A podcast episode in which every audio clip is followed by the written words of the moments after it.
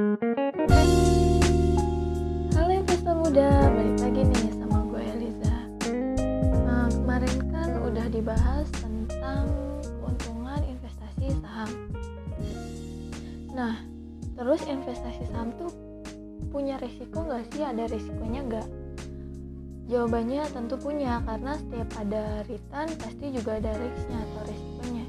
Seperti yang udah dibilang minggu lalu, high risk, high return yang berarti kalau kita mau dapat keuntungan tinggi, kita harus mampu menghadapi resiko yang tinggi juga.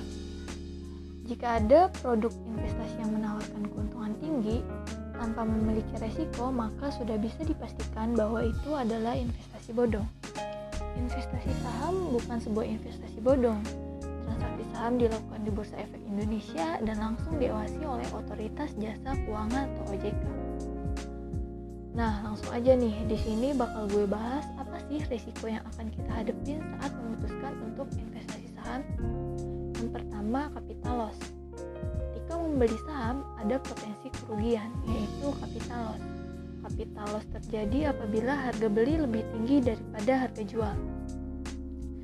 Kebalikan dari capital gain, capital loss didapat dari kerugian antara selisih harga jual dan harga beli. Contohnya, katakanlah kalian beli saham di harga Rp900 per lembar saham. Kemudian harga sahamnya turun menjadi 850. Maka kalian mengalami capital loss sebesar Rp50 per lembar saham. Capital loss bisa terjadi karena adanya fluktuasi harga saham. Yang kedua, risiko likuidasi.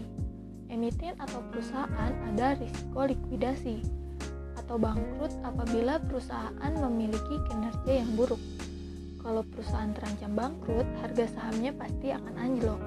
Hal ini bisa diminimalisir dengan cara membeli perusahaan yang memiliki kinerja yang bagus. Yang ketiga, saham terkena suspensi.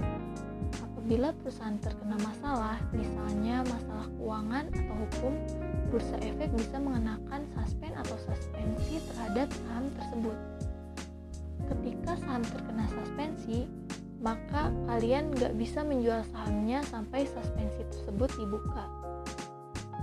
Nah, dari resiko-resiko di sini, kita wajib bijak dalam memilih dengan baik saham-saham yang akan dibeli. Karena investasi saham yang dilakukan dengan benar dan strategi yang tepat akan dapat memaksimalkan keuntungan dan meminimalisir risiko-risiko kerugian di masa yang akan datang.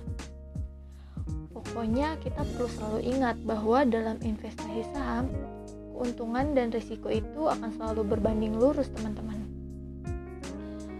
Nah cukup sekian dari gue, semoga bermanfaat. Sampai jumpa di podcast minggu depan. Terima kasih.